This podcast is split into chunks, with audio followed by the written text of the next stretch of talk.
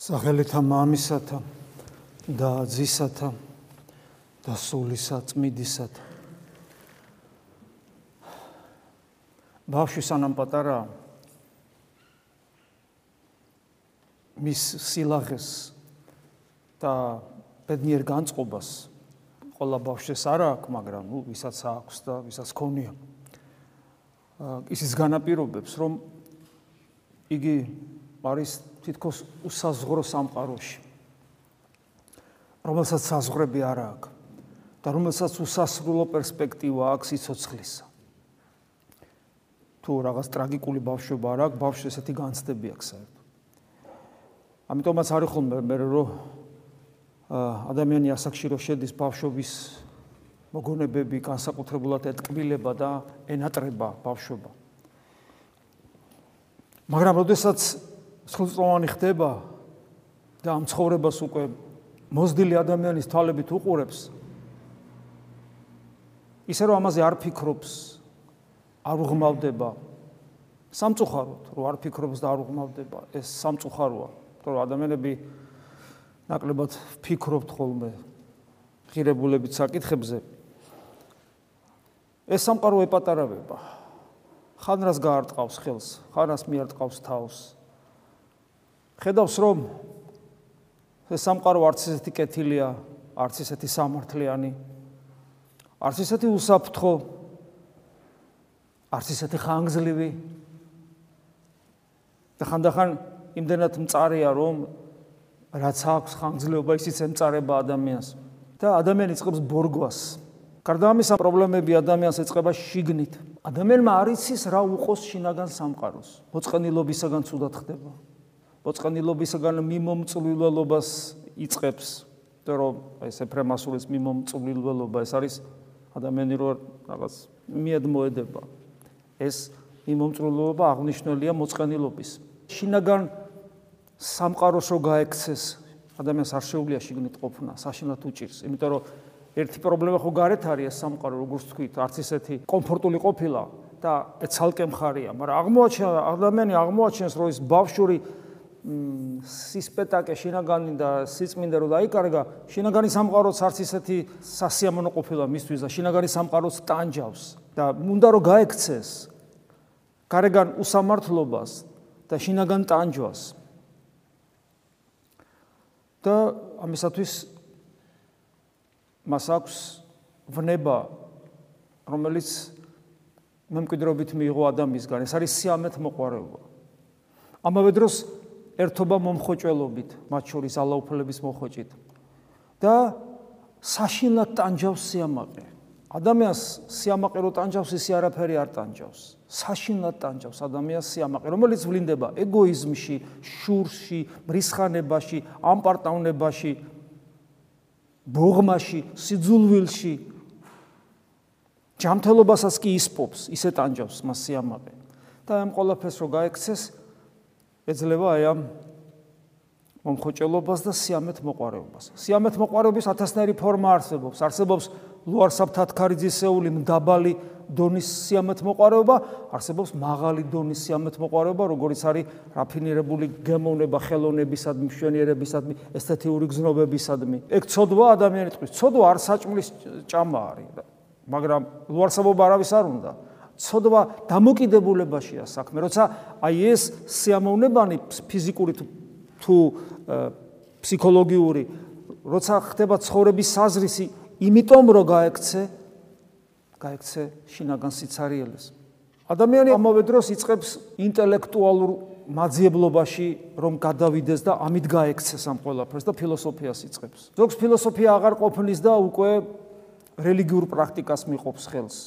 ასე იქნებოდა უამრავი რელიგიები და იქნება დღესაც. ნებისმიერი ადამიანი სულ ურწმუნოდ გაზრდო თავის რელიგიას მოიფიქრებს, იმიტომ რომ ის ადამიანი, ამისთან ადამიანები მე მინახავს. ადამიანები, რომლებსაც ძალიან ძალიან გულწრფელად ჯეროდათ, რომ ღმერთი არ არის, ეს დიდ საბჭოებს გულისხმობ.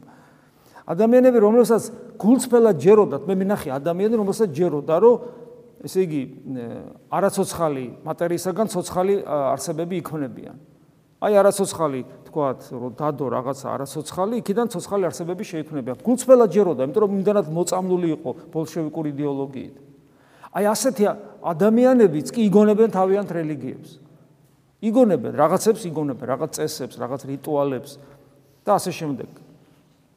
ადამიანს კიდევ ერთი რამე აქვს, ამ რაც ჩამოვთვალე. ეს არის სინდისი. ხოლო აი ადამიანი თუ სინდის მიაქცევს, უფრო მეტ ყურადღებას, ვიდრე ყველაფერ დანარჩენს. სინდისი მიუხედავად იმისა, რომ ჩვენი ბუნების ნაწილია და ის ჩვენთან ერთად დაზიანებულია და სინდისი ძალიან ხშირად გვატყვილებს, მინდა გითხრათ, მაინც სინდისი ყველაზე მეტად, ყველაზე მეტად სანდუა, ყველაზე მეტად სანდუა, ყოველ შემთხვევაში სანამ ის თლად გაირყნება. და თუ ადამიანი მეტნაკლებად სინდის ყურადღებას მიაქცევს, მაშინ ის ჭეშმარიტ სულიერ ცხოვრებას იწყებს და ესე დროს ადამიანს ეხსნება საიდუმლოება, რომელიც მას აძლევს შესაძლებლობას, რომ აი ამ ჩაკეტილი სამყაროდან გავიდეს. და მთელი ეს ამ ქვეყნიური, ამ სოფლიური ტანჯვები და ტკივილები მისთვის იქცევა როგორც აი შობიარობის ტკივილა, როგორც პავლე მოციქული ამბობს, რომ გახსოვთ ეს სიტყვები, რომ შობიარობის ტკივილებს განვიცდი სანამ თქვენში ქრისტე არ იშვება. პავლე მოციქული ამბობს, რომ მე მტკივა სანამ თქვენში ქრისტე არ იშვება, მაგრამ წესით ადამიანსაც უნდა ტკიოდეს სანამ ჩვენში ქრისტე არის შობა ჩვენ უნდა გტკიოდეს საშინელი ტკივილებით. სანამ ჩვენში ქრისტე არის შობა იმიტომ რომ ჩვენ ვიც ვირწმუნეთ იესო ქრისტე. რადგან ვირწმუნეთ იესო ქრისტე ჩვენს გულს ღმერთია შენახები. ჩვენმა გულმა განიცადა რომ იესო ღმერთია. ჩვენმა გულმა განიცადა ერთხელ მაინ ცხოვრებაში რომ ქრისტეს გარეშე არათუ ცხოვრებას, არათუ დაბადებას, სუნთქვასაც აზრი არ აქვს, მაგრამ მიუხედავად ამისა, რომ ჩვენ ეს გამოცდილებით ვიცით, რომ იესო ქრისტეს ღმერთობის თეორიულად ცოდნა არ არსებობს, ძმებოდადებო. არავინ არის ის იესო ქრისტე თეორიულად რო ღმერთია. ვინც იცის მართლა გულწრფელად ოღონ, იმიტომ რომ მე მინახავს უამრავი ადამიანი თითქმის ყოველკვირა ვაწყდები, რომ ადამიანები ისე ცხოვრობენ ეკლესიურად, მე მას ხშირად ვიმეორებ, ზოგი ისე ბერდება ეკლესიაში, რომ არათუ არ იცის, ეხლა რაღაცა იცი, რაღაც არ იცი, ხო? არც კი დაფიქრებულა იმაზე, თუ ვინ არის იესო ქრისტე. ვინ არის იესო ქრისტე? არც კი დაფიქრებულა. ხოლო ის ვინც იცის, რომ იესო ქრისტე ღმერთია, მან თეორიულად შეუძლებელია ეს იცოდეს, იმიტომ რომ ეს აბსოლუტურად ალოგიკური ფენომენია. პავლე მოციქული სისულელეს უწოდებს. იესო ქრისტეს ღმერთობის მენას პავლე, დიდი პავლე სისულელეს უწოდებს. წარმოგიდგენიათ? ასე რომ როგორ შეიძლება შენ სისულელე ლოგიკურად შენს თავში გამომუშავდეს? შეუძლებელია ეს. ამიტომ თეორიული ცოდნა იესო ქრისტეს ღმერთობის არის შეუძლებელი, ვინც მართლა იცის, დაფიქრებით, ჩაღბავებით, განცდით, სერიოზულობით. ის იმგვარად ცხოვრების საზრესია მისთვის. უანგაროდ ასეთი ადამიანისათვის იესო ქრისტეს ღმერთობა თეორიულად კი არ არსებობს, არამედ პრაქტიკულად იცის, მაგრამ რომ იესო ქრისტე ღმერთია. და აი, როდესაც ეს იცი,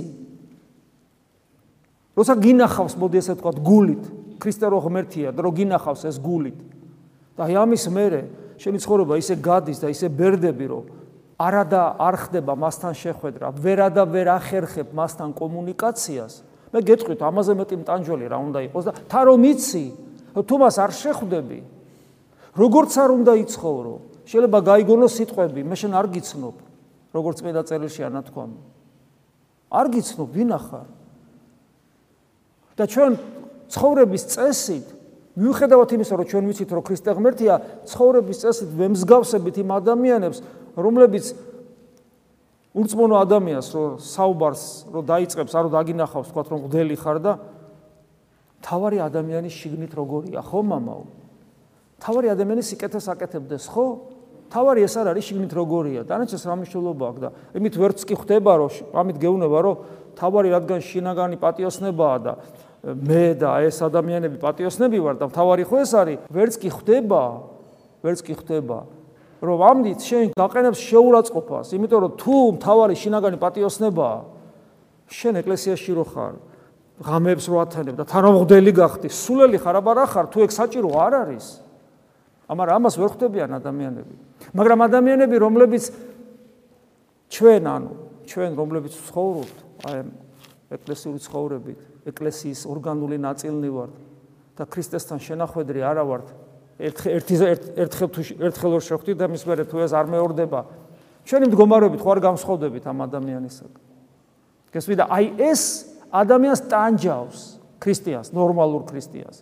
აი აქ არის სწორედ აი ეს ნეტარების გასაღები. ნეტარი უკვე მგლოვარენი, როგორ შეიძლება ადამიანი არ გლოვობდეს იმას, რომ სული მკვდარი აქვს, იმიტომ რომ ღმერთი რომელიც ერთხელ შენ განიცადე, რომელიც იცი რომ მას სურს შენს გულში შემოვიდეს და შენ მას ვერ განიცდი, მხოლოდ იმიტომ ვერ განიცდი, რომ მკვდარი ხარ სულიერად. და ამიტომ საგლოვი გაქვს საკუთარი მკვდარი სული. როცა მზეს ვერ ხედავ, ბრმა ხარ, აბა რა ხარ? როცა ღმერთს ვერ ხედავ შენში, მკვდარი ხარ, აბა რა ხარ? გესმით რა შეასაქმე?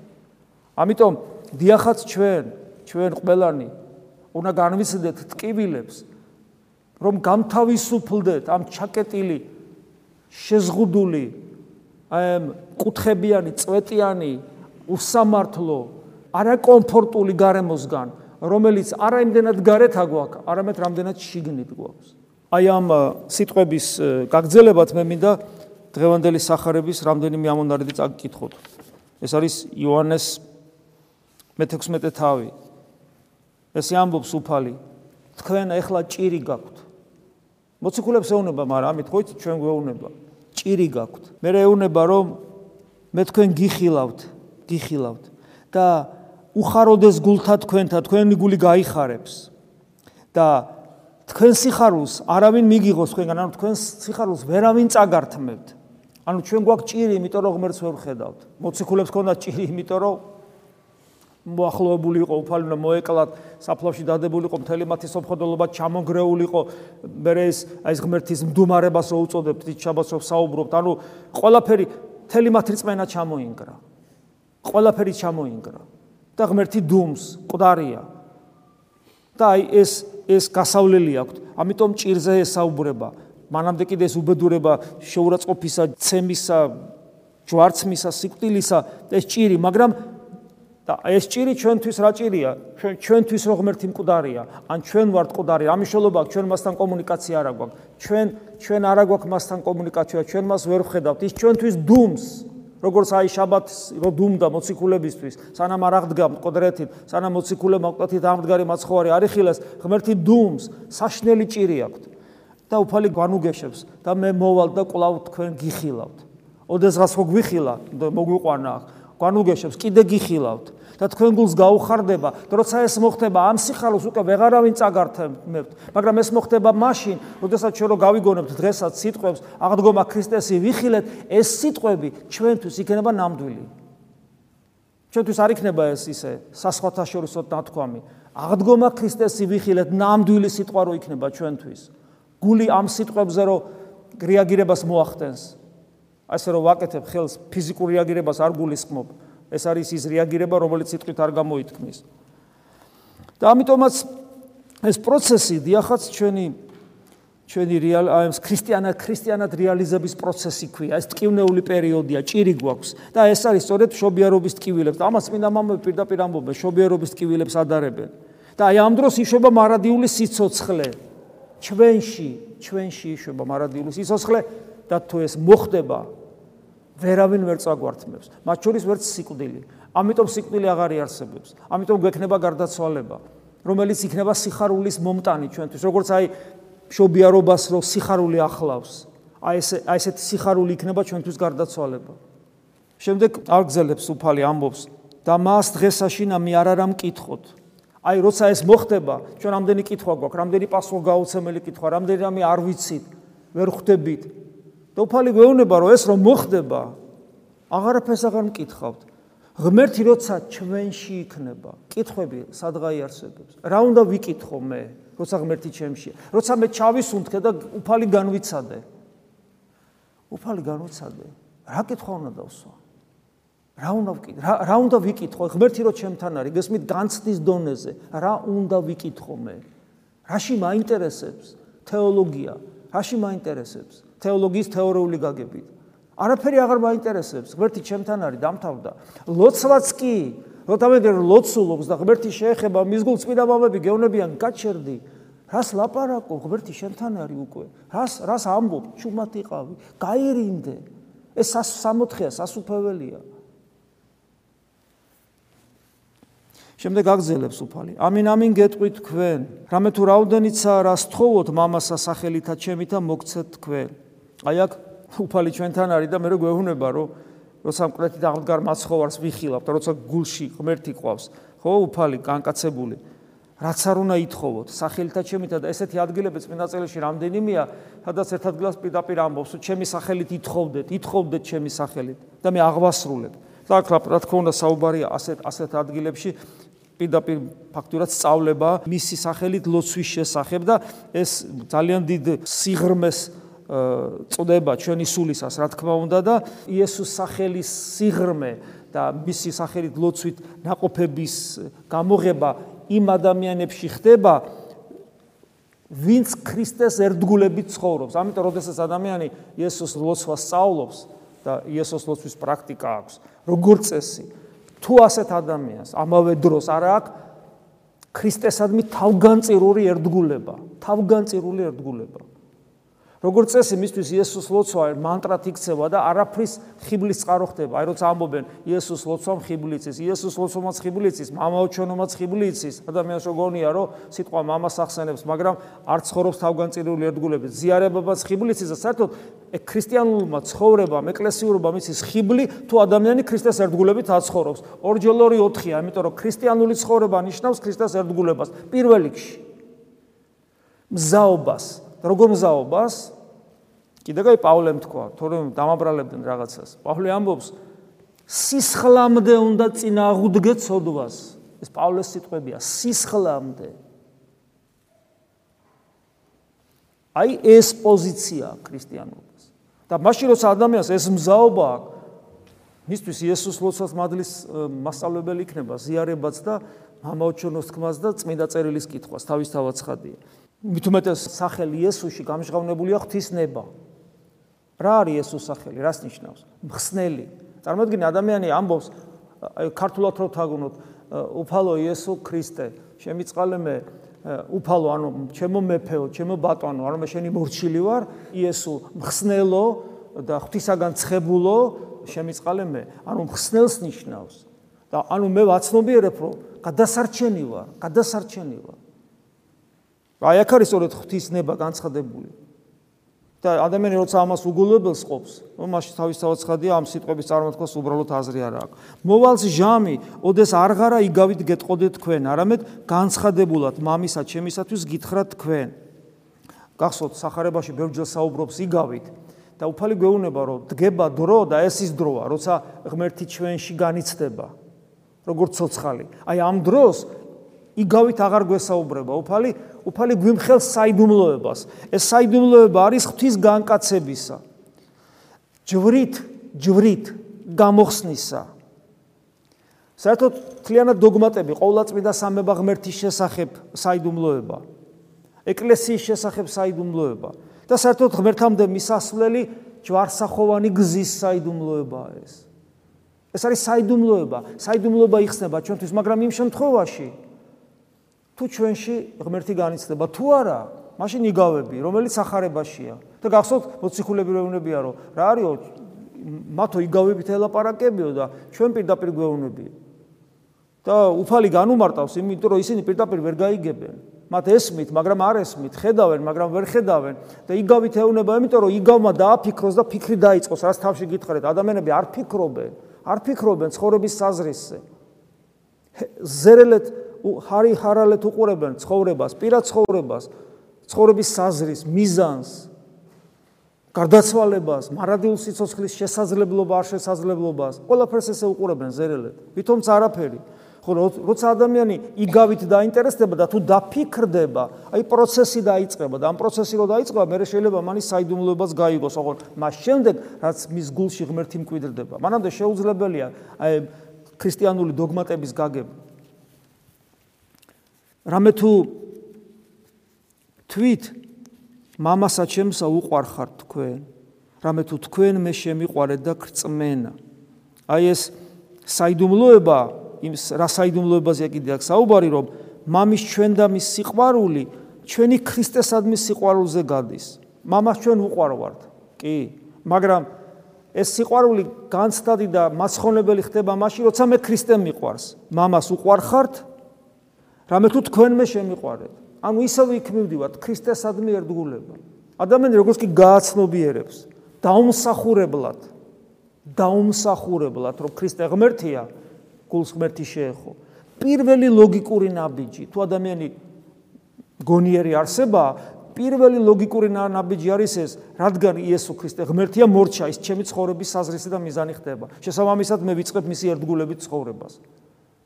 ეს არის პირველი ლოგიკური ნაბიჯი გონიერი არსების. რამე თუ მე ღმერთისაგან გამოვედი, გამოვედ მამისაგან და მოვედ სოფლად და ყოლად დაუტევებ ამ სოფლს და მივალ მამისა. აი კიდევ კიდევ ერთი საიდუმლოება ჩვენ წინ იხსნება საიდუმლოება ერთარსება სამპიროვანი ღმერთის. იონეს ახარება განსაცვიფრებლად იწყება სწორედ ამით, რომ სიტყვა, ანუ იგივე იესო, სიტყვა ლოგოსი ბერძნულად არის ღმერთი ამავე დროს ღმერთთანა, ანუ ძე, მამის თანაარსი, თელი სამყარო მის მიერ შეიქმნა და მე მოვიდა როგორც თავისიანებთან, მაგრამ თავისიანება ვერ იცნეს. რქოს მას მოწაფეთა მისთა, აჰა განცხადებულად იტყვი და იგავს არცა ერთსა რას იტყვი. ამის გამო გწამს რამე თუ ღვთისაგან გამოხვედი. მოსიქულები ამას რო უსმენენ, გახარებულები არიან, ხედავთ და ყველაფერს გვეუბნებიო იგავის გარეშე. და გწამს რო ღმერთისგან გამოხვედიო და გახსოვთ მე უფლის სიტყვები ხო? უფალი ამაზე ეუბნება, ეხლა გწამთ? ეხლა გწამთ? საქმე იმაშია რომ ციგნობრობა რწმენას არ ნიშნავს. თეოლოგია თეორიული რწმენას არ ნიშნავს. ეს უფლისეს კითხვა რომ ეხლა გწამთ, ეს არის საკუთარი რწმენის კრიტიკულად განხილვის ვალდებულების წინაშე რო გვაყენებს, ეს ის კითხვა. საკუთარი რწმენის კრიტიკულად განხილვის ვალდებულება. იმიტომ რომ თეორიული სიმონ ახალი ღვთის ბევრი წმინდანი ამბობს, სიმონ ახალი ღვთისმოწყალე ამბობს, რომ რო უსმენო ადამიანებს, რომელსაც ღმერთთან ურთიერთობის გამოცდილება არ აქვსო, და თეოლოგიაში რო ფილოსოფოსობენო თავი ასე სიბზნით ისევ წუხდებიო რომ რამე ჩემი სული ხორციდან ამოვიდესო ისევ წუხდები ამ ადამიანებს რომ უყურებო რას ბედავენო ღმერთს საერთოდ არ იცნობენო და გჯელობენო თავიანთ აზრებს ესე იგი აყალიბებენ თეოლოგიაში და ფილოსოფოსობენ თეოლოგიაში. სიმონ ახალი ღვთისმეტყველი ამბობს. რა იცი შენ ღმერთის შესახებ? რამე როცა მას არ იცნობ კონკრეტულად და ლოგიკურად სვავს კითხვავს. და როცა ადამიანს კიდე აქვს იმის ილუზია, რომ მან თეოლოგია იცის, ისე რომ ღმერთს არ იცნობს. ჩვენ რა თქმა უნდა თეოლოგიას სწავლობთ თეორიულად, როდესაც ვიცით ეკლესიის 2000 წლოვანი გამოცდილება გვაქვს ციგნებში გვიწერია კატეხიზმო კატეხიზმოს გარეშე ადამიანის მონათულაც არ შეიძლება წამს აგერ ვამბობთ მაგრამ ნახეთ წამსი ვახსენე. წამს ნახეთ როდის ვამბობთ. დილის ლოცვებში ნათლობის დროს და ევქარისტიის დროს. ლოცვის დროს წამს ვამბობთ. წამს იყო თეორია წამს იყო ლოცვა არ არის. და ამით ეკლესია მეუბნება რომ თუ ადამიანი არ ლოცულობს, ანუ თუ ადამიანს არ აქვს ღმერთთან ცოცხალი კავშირი, მისთვის თეორიული ცოდნა ქრისტიანობის არის შეუძლებელი. თეორია მაშინ იკითხება და ითქმება წამსი, როდესაც ჩვენ ლოცულობთ, როდესაც ჩვენ ღმერთს უერთდებით. ამიტომ როცა ადამიანს აქვს პრეტენზია, რომ თეოლოგია იცის, ანუ თეორია იცის ქრისტიანობის, ხო, ეს პრეტენზია ძალიან საშიშია, მაშინ როდესაც ადამიანი ერთნაბიჯსაც არ ადგავს ღმერთთან პრაქტიკული ურთიერთობისათვის. ესე ძალიან მნიშვნელოვანია. აჰა მოვალ ჟამი და მოწამნულ არს. ეს ჟამი უკვე მოწამნულია. რამე თუ განიბრინეთ კაცად კაცადი თვისა ადგილად და მე მარტო დამიტევოთ. და არა ვარ მე მარტო, არამედ მამაი ჩემი ჩემთან არს.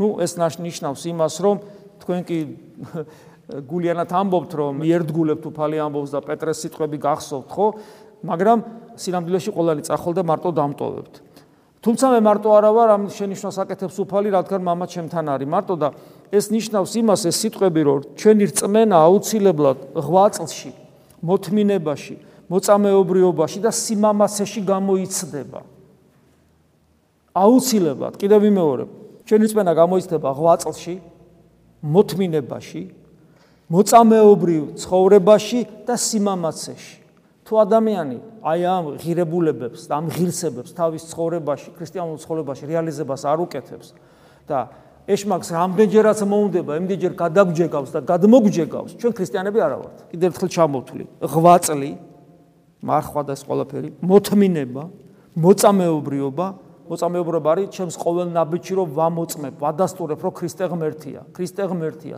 ჩემს ცხოვრების წესი.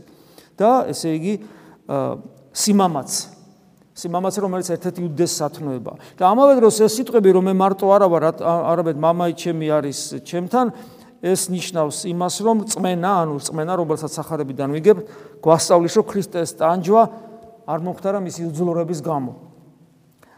არამედ ქრისტეს ტანჯვა მოხდა ღვთის ნებით ეს იყო ძისნებაც მამისნებაც სულიწმინდა ღმერთისნებაც იმიტომ რომ ერთინება აქვს ყოვლადწმინდა სამებას. თავისი ნებით, თავისი ნებით გახსოვთ ერთხელ გითხარით კიდევაც, რომ ის ხემზღვანელობს თავის დაპატიმრებას.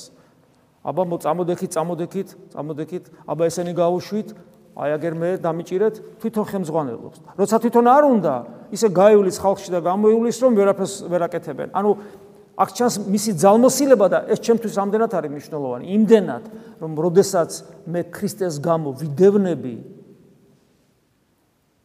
ჯერჯერობით ჩვენ არ არ გვდომის ქრისტეს გამო, მაგრამ ზოგადად, როდესაც მოდი ასე ვთქვა, არ ვიდევნები ღვაწლში რო ვართ, რომ დევნა არის უმაღლესი ღვაწლი. თითოეული ადამიანი ღვაწლში თუ არის, ამ ღვაწლში არა ვართ მარტო. არა ვართ მარტო, როგორც პავლე მოციქული ამბობს, თვითონ თავისთავი როგორც ადამიანი გამოცადა რა ღვაწლში, მან იცის, რომელიც ღვაწლშია ქრისტეს გამო, როგორ გამოიყვანოს ამ განსასწრელიდან. ამიტომ როგორც ქრისტე არ არის მარტო, როგორც ამბობს მე მარტო არა ვარ, არ ჩვენ არა ვართ, არასოდეს მარტო ჩვენს ღვაწლში. იმ ღვაწლშიც კი აქ რო დგავართ, თქვათ 2 საათი და ძილს ვიკლებთ. ახაც არა ვართ მარტო, ყველგან გვეხმარება ღმერთი. ბოლო ამონარიდი ისევ იმ ჭირზე და იმ იმ იმ ტკივილზე და ამ სამყაროში მყოფ გასასწელებზე ამას გეტყოდი თქვენ, რათა ჩემთანამ შვიდობა გქონდეთ. სოფელს ამას, ამ სოფელს ჭირი აქვს. ჭირი აქვს. და ამ ყველაფერს იმიტომ გიყვებითო, რომ ჩემთან გქონდეთ შვიდობა. შვიდობა არის ქრისტე თავად. ცალკე მშვიდობა და ცალკე ღმერთი არ არსებობს. ქრისტიანმა იცისო, სიმშვიდე, მშვიდობა თავად ღმერთია. ამიტომ ჩემთან გექნებათ ეს სიმშვიდე, უფალი ამბობს, ამ სოფელს ჭირი აქვს, მაგრამ და თქვენ ამ სოფელში ხო ხართ, მაგრამ ნუ გეშინიათ, უფალი გვეუბნება, რამე თუ რამე თუ მე მიძლევი ეს ეს სოფელი. მე მიძლევი ეს და ირწმენით ჩვენ აწლებრივ გამოცდილებითაც უნდა ვიცოდეთ, რომ ქრისტესათვის ღვაწლში მასთან ერთად ვიქნებით რა მასავით უძლებელნი ხდებით. ამიტომ ქრისტიანის დამარცხება, რადგან აი უფალი ამბობს, ხო მე მიძლევია, ნუ გეშინია, ნუ გეშინია მე მიძლევია ეს სოფელი, შევდივართ ამ ღვაწლში და ქრისტიანობა ღვაწლის გარეშე არ არის, გამოდივართ კომფორტის ზონიდან და ამასოფლის სულის დინარების წინააღმდეგ მივცურავთ, ეს არის ღვაწლი, მე ჭირი მაქვს, მაგრამ მეუბნება ნუ გეშინია, იმიტომ რომ ამ სოფელს ვძლიე და მე შენთანა ვარ. ამიტომ ჩვენ მასთან ერთად, მასთან ერთად მასავით უძლებელნი ხვდებით. ამიტომ ამბობს პავლე მოციქული, ვინ განმაშოროს მე სიყვარულსა ქრისტეს. შეგვეციოს უფალი. ჩვენს თავარ საქმეში, ქრისტიანობაში. ამინ. მადლი უფლისა ჩვენისა იესო ქრისტეს და სიყვარული ღვთისა და მამის და ზიარება სულისა წმინდისა იყოს თქვენ ყოველთა თანა. ამინ.